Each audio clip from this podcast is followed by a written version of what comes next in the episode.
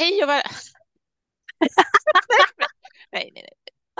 Alltså jag är nu snorig av Nej, nu får du tänka på polypen också, hörde du. Eh, ja, nu kör vi.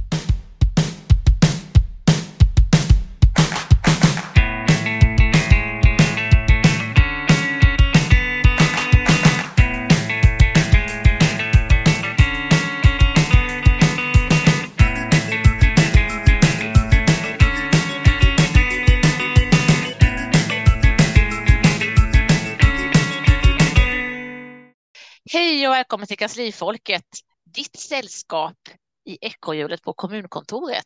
Nu är det dags för podden och här sitter jag, Lisa, och vid min sida har jag såklart Kristin. Och idag så ska vi prata om, ja Kristin, vad ska vi prata om? Ja, men idag ska vi prata om ärendehanteringsprocesser. Mm. Kan det inte bli mer spännande? Nej, väldigt smaskigt ämne skulle jag säga. Mm. Vi har ju varit inne lite på det tidigare i tidigare avsnitt på lite olika sätt. Eh, men idag ska vi prata lite om mer hur det funkar i praktiken. För jag Mm. tänker att vi, alltså många ärendehanteringsprocesser fungerar ju väldigt bra i teorin. Många har ju satt upp väldigt tydliga liksom, ramar, väl utvecklade skisser över hur det ska fungera liksom, från inkommen handling till liksom, beslut i politisk instans. Men ändå så uppstår det ändå ganska mycket problem ofta på vägen. Jag tänker typ att ärenden plockas bort från dagordningen till exempel. Det har vi väl alla varit med om några Det har gånger. vi, det har vi. Eller att ärenden trycks in i sista stund på grund av att de är så himla brådskande. Eh, det skulle också kunna vara de här ärendena som tar lite fel väg till politiken, att de plötsligt hamnar på politikens bord fast man inte riktigt fattar hur de har kommit dit. De har inte passerat nämndsekreteraren eller, eller kansliet på något sätt. Mm. Eller beslut som fattas av fel politisk instans. Eller att de kanske till och med liksom av, eh, har fattats av tjänstepersoner som inte har mandat att fatta beslutet. Mm. Eh, så jag tänker att det, liksom, det finns ju en hel del sådana här eh, problem som vi ändå brottas med i, i den praktiska liksom, hanteringen av ären- ärendehanteringsprocessen. Det gör det ju sannoliken, men innan vi börjar grotta ner oss i detta med ärendehanteringsprocess, Kristin, Ja, så kanske vi ska försöka bena ut det begreppet, tänker jag. det är smart. Mm. Det är kanske inte helt självklart vad vi åsyftar, eh, men vi Icke.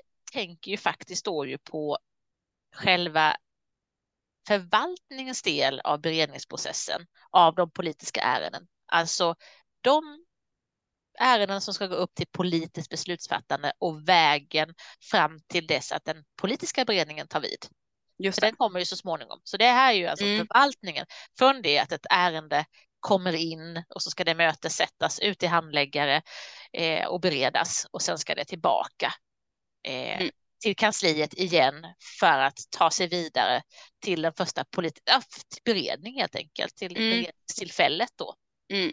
Och vi har ju liksom valt den begränsningen idag kan vi ju säga. Vi skulle Ja. ju lika gärna kunna ta tagit med den politiska beredningen också, men vi har liksom valt den här lite mer, ja, den här lite mer snävare definitionen av eh, liksom Precis, ärendehanteringsprocessen idag. Och den som egentligen inte är särskilt lagstyrd mer än vad gäller att eh, ärenden till fullmäktige ska beredas. Eh, och det räcker ju med, ett, som vi har sagt i tidigare poddavsnitt, att det räcker med ett beslut från kommunstyrelsen, regionstyrelsen för ett eh, beslut i fullmäktige, då är det berett. Men nu är vi inne mer på liksom att ha en ändamålsenlig arbete för att få fram bra beslutsunderlag och den processen på förvaltningsnivå skulle vi kanske Mm. säga. Mm, det är precis så. Jag tänker att det också motiverar liksom själva avsnittet i sig, det som du sa nu, att så här, det, är inte Mm. så, det är inte så styrt liksom, utan det är någonting som hela tiden är, är under granskning och utveckling på ett eller annat sätt. Exakt. Men då tänker jag att eh, låt eh, oss få höra mer om detta, Kristin. För jag tänker Mm. att du har en plan och ska ta oss vidare in i det här intressanta ämnet. Ja, nej men jag tänker liksom att om den här, även om vi då har den här teorin och att i teorin så är ju allting så himla fint och vackert hela tiden och att vi har, ja men oftast de flesta kommuner och regioner har väldigt bra liksom tankar kring hur den här ärendehanteringsprocessen ska fungera. Nu är det också ordet ärendehanteringsprocess någonting som jag uppenbarligen snubblar på hela tiden så det får Ja. ni ha lite överseende med Och det jag, idag. har ju, jag har ju faktiskt tänkt lite på detta med ärendehanteringsprocess, att det är ett väldigt långt ord och skulle man kunna kanske helt enkelt unna sig en liten förkortning som man hittar på som heter RP. ja. Eh, Men den Sa du EHP? Sa du? Ä- EHP, men den kanske Ja. inte, den är inte App. vedertagen. App, den är inte vedertagen, så vi lämnar den kanske därhän. Men eh, vi får väl snubbla på det här ordet lite mer helt enkelt. Ja, jag kanske jobbar lite med EHP ändå under avsnittets gång. Vi får se. Mm. Mm. Det kanske Jobba lägger sig bra i munnen. Jag ska testa lite. Kanske det här avsnittet ska heta Vad är EHP istället? Ja. ja. Okej, men i alla fall, varför fungerar då ändå inte den här EHP i praktiken?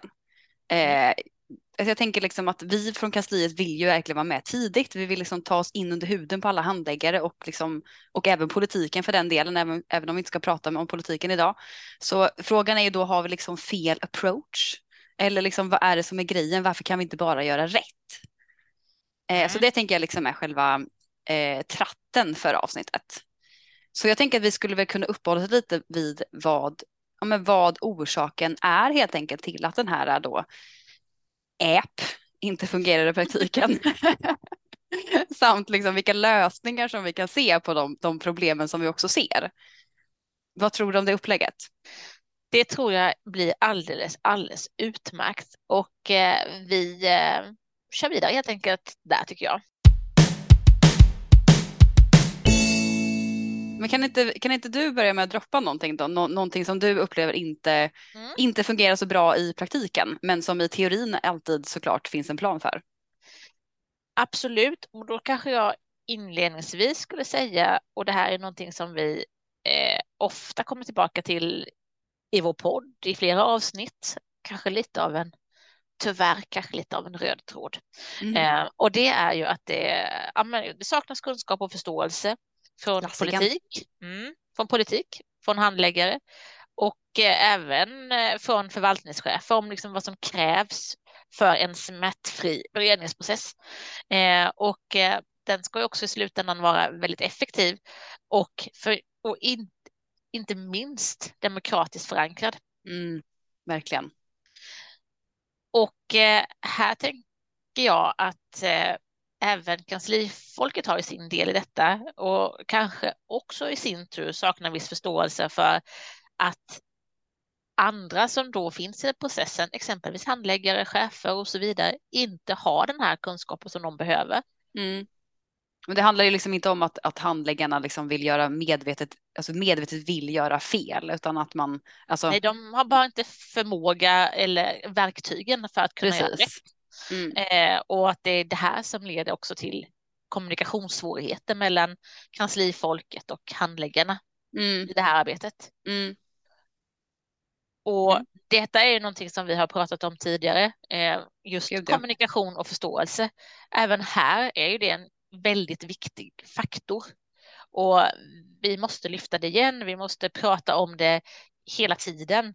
Mm. Eh, och vi, här är, handlar det ju om att både kanslifolket och handläggarfolket, om vi säger så, behöver Mm. prata med varandra. Och Mm. man behöver igen få förståelse för varandras agendor, att både ge och ta i den här processen. Mm. Jag tänker att Eh. vi också tidigare kanske inte har varit, eller jag kan uppleva i tidigare avsnitt att vi kanske inte var tillräckligt självkritiska heller. Jag tänker att det Nej. kanske också finns utrymme för lite självreflektion här. Att så här, men vad, vad, vilken roll har kanslifolket i att det inte fungerar och vilken roll eh, ja, men, har handläggarna i liksom, det här felandet liksom, som hela tiden uppstår? Och jag tänker att vi, kanslifolket, har ju en tydlig roll där, för det är vi som sitter på kunskapen om de här sakerna. Det är vi som Mm. på något sätt äger processen, skulle jag Mm. säga. Mm. Och vi, vi måste fylla på med kunskap till dem som ska verka i den. Och vi kan Mm. inte förvänta oss av, det är ju det här vi pratat om tidigare vi, med handläggarna, vi, vårt avsnitt blir hur får vi pli på handläggarna? Det är ju ett avsnitt som verkligen går ner i de här frågorna. Och det är ju så även, när, det här faller tillbaka på just att beredningsprocessen blir lidande när inte kunskapen och förståelsen finns. Mm. Och kanslifolket måste göra sitt jobb, de måste ta jobbet här. Så är det bara. Mm. Mm. Det är ett tungt, eh, ett tungt jobb, men det är bara att göra det. Mm. Och det är ju det, det, mest, det, är det jobbigaste omaket liksom och det som Mm. visslar mest och är jobbigt. Men eh, jag tänker att man ska tänka att eh, det kan vara eh, det kan vara lite motiverande att få till det här på ett bra sätt. Att det ska vara en morot att vilja få till det. Och Mm. hur hitta de här verktygen och hitta dem Mm. tillsammans. Mm. Men jag tänker ytterligare en grej då som lite har eh, angränsat till det som, som, eh, som du pratar om är väl också det här att aktörerna i processen, oberoende av vilken aktör vi pratar om egentligen, ser kanske inte heller hela processen, utan man Nej. ser bara sin egna lilla kaka, sin egen lilla del av processen och liksom uppehåller sig bara vid sin egen lilla liksom, eh, ja, men del av helheten. Liksom. Mm. Um, och det tänker jag ytterligare liksom försvårar eh, eh, ja, men att få liksom ett, ett härligt flow i den här EHP. ja men absolut och här är ju mycket lösningen att jobba med att tydliggöra eh, vad är det för eh, alltså eh, skapa alltså kunskapen igen liksom eh, att, att kanslifolket måste nå ut med kunskapen om processen och att du mm. är här i processen och ärendet ska dit och efter du har haft det så ska detta och detta hända. Mm. Eh, att det är en, ett förlopp mm. mm. med en serie händelser och där man är mm. en del i det. Och där kan man också behöva, tänker jag, behöva också förankra till och med hela organisationens liksom, uppbyggnad många gånger. Att, att många, eh, det är väl också en, en, en fördel tänker jag i rollen som nämndsekreterare eller inom kansliet att man ofta får, eller tvingas till en helhetsförståelse av hela liksom, kommunens verksamhet eller hela regionens mm. verksamhet som alla handläggare inte alltid har för att man inte kanske behöver det. Jag tänker Nej. att den typen av eh, kunskap är ju bra att lyfta in också när man förankrar den här alltså ärendehanteringsprocessen med handläggarna, att också lyfta in hela liksom, mm. eh, ja, men hela paketet i kommunen. Hur, hur hänger alla nämnder samman med varandra och mm. hur, alltså, och, och, hur, även på enhetsnivå liksom, så man förstår alltså rela, relationerna mellan enheter och, och nämnder. Liksom. Precis, och här tror jag nästan eh, att det kanske är ännu värre i de större kommunerna och regionerna. Verkligen. Eh, än kanske i den mindre kommunen där man ändå kan få en bättre överblick och mm. kunskap. Mm. Eh, är kanske min erfarenhet att det är nästan lättare att nå fram i, ett, i kanske i en mindre organisation. Mm. Eh, för man, mm. kommer, man är närmare liksom beslutsfattandet generellt. Precis. Ja, men alltså eh. både förvaltningen och, och nämnderna på något sätt personifieras ju på ett annat sätt i mindre kommuner och regioner där man liksom man, ja. man vet vilka personerna är liksom som typ inom situationstecken är förvaltningen och nämnden liksom. Mm. Eh, och då blir det mycket lättare att förstå hur allting hänger ihop såklart, det har du rätt i. Mm. Så därför så mm. handlar det mycket om utbildning i samband med ny mandatperiod mm. exempelvis. Eh, att jag tänker att mycket av den utbildningen vi ger till förtroendevalda behöver också handläggarna höra. Verkligen. Mm. Så att eh, det handlar om att snickra, på, snickra ihop ett riktigt bra utbildningspaket för handläggarna. Mm. Vi säger det även i, i detta avsnitt, precis ja. som vi sagt i många andra avsnitt, men det är så otroligt viktigt. Ja. Men det man skulle kunna se är väl också det här med hur, eh, eh, ja, men hur synen är på sekreterare, alltså nämndsekreterare och liksom kansliet. Att det finns någon form av historisk, eh, en historisk eh, kontext som på något sätt påverkar hur man eh, ja, men hur både liksom, eh, förvaltningens liksom, olika roller och aktörer ser på eh, sekreterarskapet och på kansliets roll, men också hur politiken ser på, på, på det som kansliet gör. Liksom. Att mm. någonstans så måste vi komma tillbaka till att det ändå är men kvalificerade roller, det innehåller väldigt många arbetsuppgifter. Det är ju ofta universitetsutbildade personer som sitter på nämndsekreterarrollen idag, eh, eller att det åtminstone personer med liksom, erfarenhet av politiska processer sedan tidigare. Precis, och det här handlar det ju om eh, grund och botten att vi behöver få bort, som vi kanske lite slarvigt säger, det här sekreterarmöket liksom. Mm. Det är ju inte, alltså det är inte sekreterare, sekreterare, när vi pratar sekreterare här, det, blir, det är lite liksom gammaldags terminologi som vi använder oss av i, ja. när vi benämner de här rollerna i våra mm. organisationer. det är ingen transkribering av möten liksom som Nej, sker, utan det, det, är, det är annat som ingår i arbetsuppgifterna. Ja, det och, och ändå så, så framhärdar ju alla regioner, kommuner med att kalla de här tjänsterna för kommunsekreterare, kanslisekreterare, nämndsekreterare, förvaltningssekreterare. De vill gärna behålla sekreterarbegreppet och det mm. tyvärr så är det nog, eh, det är inte till gagn för oss som eh, yrkeskår om jag säger så, utan det är tvärtom, utan att vi behöver ju få upp och höja statusen, precis som du säger Kristina, att det här är ju det är kvalificerade medarbetare som har en flerårig högskoleutbildning oftast med sig i bagaget. Mm. Mm. Eh, och har väldigt faktiskt kvalificerade arbetsuppgifter även om man också uppfattar att, att kaffedelen och fikadelen råkar hamna på sekreterarens bord så är det ju inte, det är, det är ju liksom det lilla och det som vi tycker kanske är det mest, ja, icke-legitima arbetsuppgiften i det mm. hela. Mm. Så att, eh, men här ja, men, har vi man, man har jättemånga en... exempel på vad mm. som är kvalificerat liksom. Mm. Mm. Eh. Nej men verkligen, det, och det hör väl kanske ihop också då med att även status för hela den här äh, ärendehanteringsprocessen och liksom i sig har väldigt låg status mm. i och det är ju organisationen. An anmärkningsvärt egentligen att det är så. Mm. För att eh, på något sätt så kan man ju märker man ju att det finns olika status på olika processer. Ja, men, eh, vi har HR-process, vi har ekonomiprocess och ekonomiprocessen kan vi inte glömma. Den har ju den högsta den, som du säger. Ja. Den har väldigt hög status och, yes. och det är ju ingen som kan liksom strunta i att uh, vara i ekonomisystemet och attestera sina fakturer och göra sitt jobb där. Eller återrapportera men, på delårsrapport eller ja, liknande. Ja, men precis. Mm. Sådana delar också. Men däremot, och eh, när det gäller liksom, beredningsprocess och kanslifolket, den nämndsadministrativa processerna, så de är man lite mer arrogant mot och nonchalant bitvis. De känns mm. inte så tvingande eller Jag tänker, men jag tänker att det är också så anmärkningsvärt med tanke på att man jobbar i en politiskt styrd organisation. Alltså, det, är ju, det är det här som kommer med att jobba i en politiskt styrd organisation. Att man faktiskt eh, eh, är, man är tvungen att hantera eh, alla de politiska ärenden som ska upp och, beslutas politiskt. Jag tänker att man, liksom, att, att man då inte heller ger processen samma tid och ja, med respekt och resurser. Liksom, det, det är ju i sig anmärkningsvärt för att så här, det finns ju verkligen anledning att försvara processen. Av så ja, absolut. För det, det är just detta handlar ju om ett demokratiskt beslutsfattande och mm. att mm, det är ju egentligen om, om, om saker och ting går alldeles för snabbt, om vi inte följer en gängs beredningsprocess, då har vi ju all anledning att eh, dra öronen åt oss, för då mm. finns det otrolig risk för att saker och ting inte bereds på rätt sätt och att det blir dåligt beredda ärenden och såklart dåligt, dåliga beslut. Mm, mm. Och då är det också eh, konstigt tycker jag många gånger att alltså, så många andra processer får liksom ja, men gå före lite på bekostnad mm. av den här ärendehanteringsprocessen. Eh, att man liksom eh, Ja men att, att allting alltid anpassas efter de andra processerna, att man ändå inte lyckas någonstans att hitta liksom den här symbiosen mellan alla processerna och det, och det kanske man skulle kunna göra om man hade samma status på alla processer.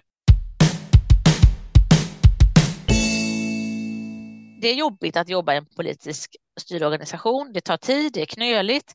Men har du gett in i den leken så får du, får du leken tåla, så är det ju. Och det gäller mm. ju handläggare oavsett om du kommer från privat sektor eller var du kommer ifrån.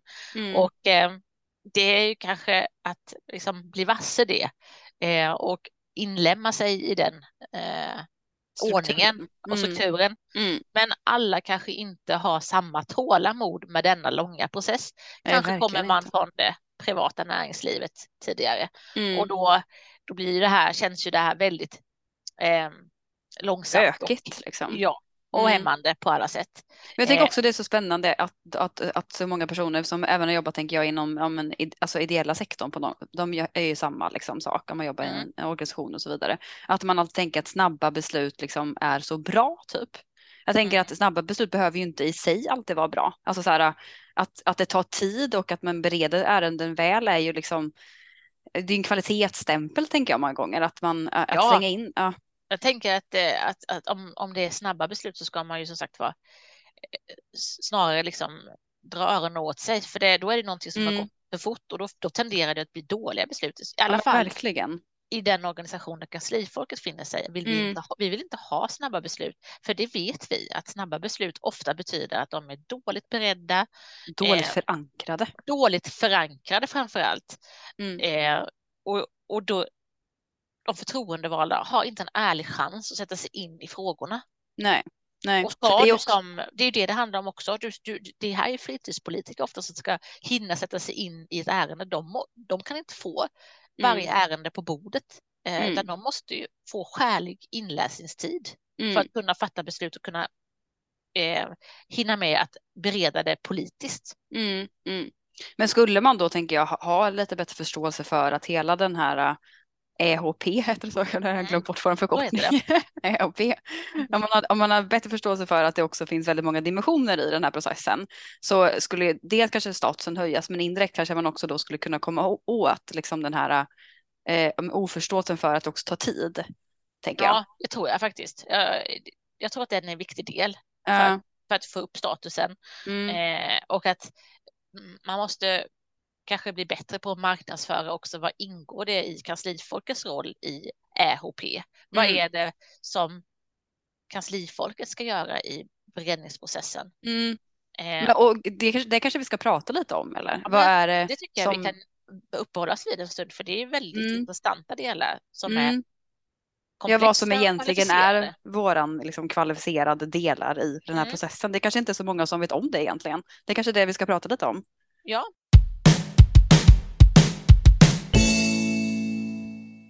Om du skulle ta liksom det första du tänker på. Ja, fan, på volley. eh, nej, men jag tänker första delen, om man då tänker från början till slut så måste man väl ändå börja då kanske med inkommen handling. Mm. Att göra en bedömning av, av den inkomna handlingen, om det är en, en, en handling till att börja med såklart och om den är allmän eller inte och hur, hur den ska hanteras och vad den ska skickas för, för beredning och hantering och vilka som behöver ta del av den här handlingen. Den behöver ju också registreras. Eh, Ja. Det är en del av kansliets eh, roll. Det är väl den första delen. Mm.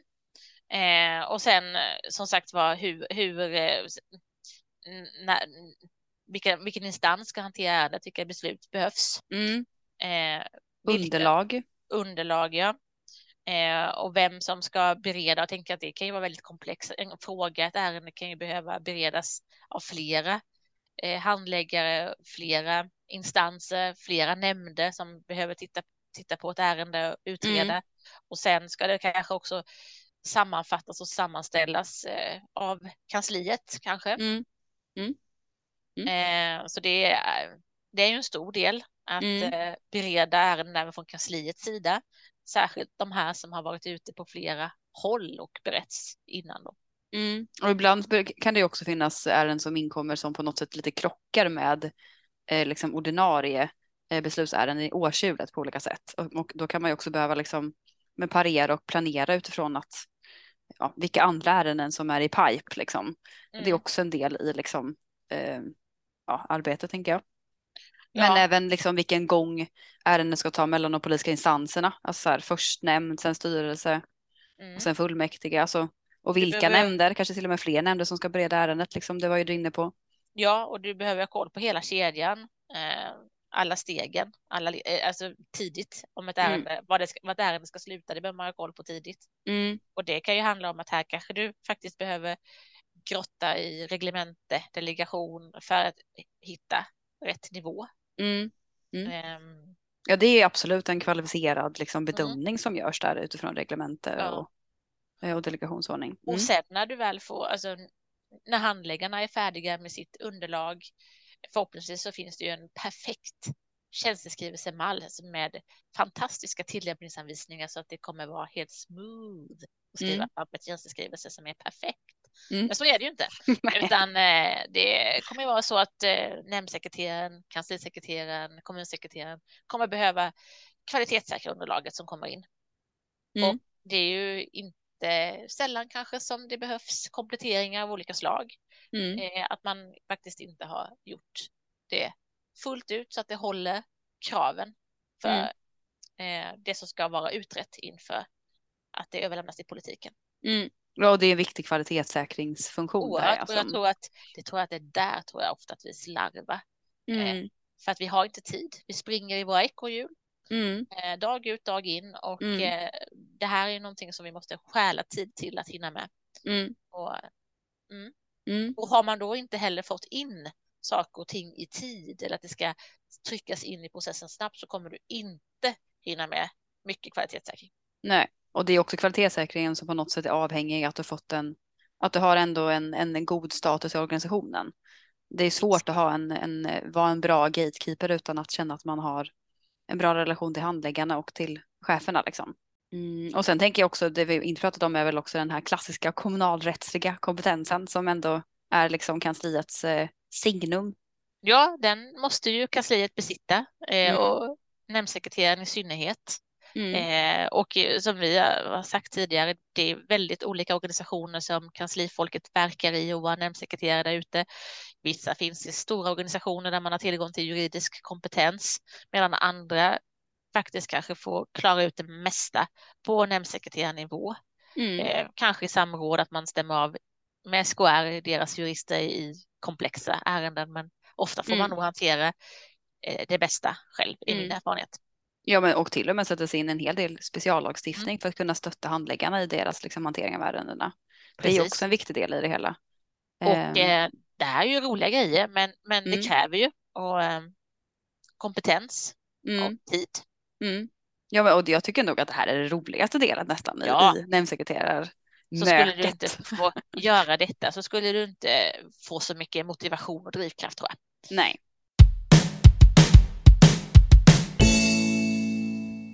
Ja, men okej, försö försöka liksom sammanfatta det här, vad vi har pratat om nu då. Hur ska vi göra det?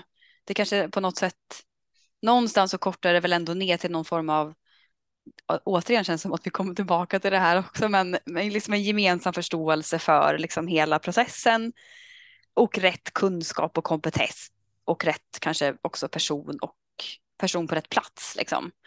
Mm. Den är nog kanske den mest avgörande faktorn faktiskt för att det här ska bli bra. Mm, Sen eh, tror jag också att det som vi pratade om det här med just den politiska processen och eh, ärendehanteringen i den politiskt styrda organisationen, den tar tid. Det är bara Mm. så. Eh, och det kan inte jämföras med privat sektor där man kan gå från ord till handling mycket, mycket snabbare. Eh, utan det är ju, här är ju liksom om skillnaden mellan privat och offentlig sektor. Det är ju såklart att i den privata sektorn så är så är målet att gå med vinst, medan i den offentliga sektorn handlar det om, är ju själva verksamheten målet. Och det tror jag också är avhängigt för just tidsaspekten, att den måste finnas där såklart. mm, mm, Eh, och att vi kan väl ändå fastslå att för att saker och ting tar tid i beredningsprocessen eller ärendehanteringsprocessen här som vi pratar om, så är det inte av ondo utan det är snarare av godo. Hade saker och ting gått för snabbt så skulle vi, då blir vi oroliga, för då finns risk för dåliga beslut. mm. Jag tänker också vi får inte heller glömma bort liksom också legitimiteten och liksom ansvarsutkrävandet för ja, men legitimiteten för de politiska eh, liksom institutionerna och liksom ansvarsutkrävandet i, i relation till politiken. För att också ha väl, om vi har väl beredda ärenden så Mm. eh, eller minskar risken för att liksom förtroendet för de offentliga institutionerna rubbas och att man ändå kan bibehålla någon form av ja, men legitimitet för att allting faktiskt går rätt Precis. till. Liksom. Och där tänker jag att eh, politiken har en viktig roll också att eh, sätta ner foten här, för jag menar det är de som kommer utkrävas politiskt ansvar för beslut som Mm. fattas. Då vill man ju som politiker, tänker jag i alla fall, verkligen fatta beslut som man känner är väl grundade på Mm. bra underlag som håller kvalitet Mm. och veta att det här, det här är utrett och vänt och vridit på eh, utifrån alla aspekter så jag kan vara trygg när vi har gått till Mm. beslut.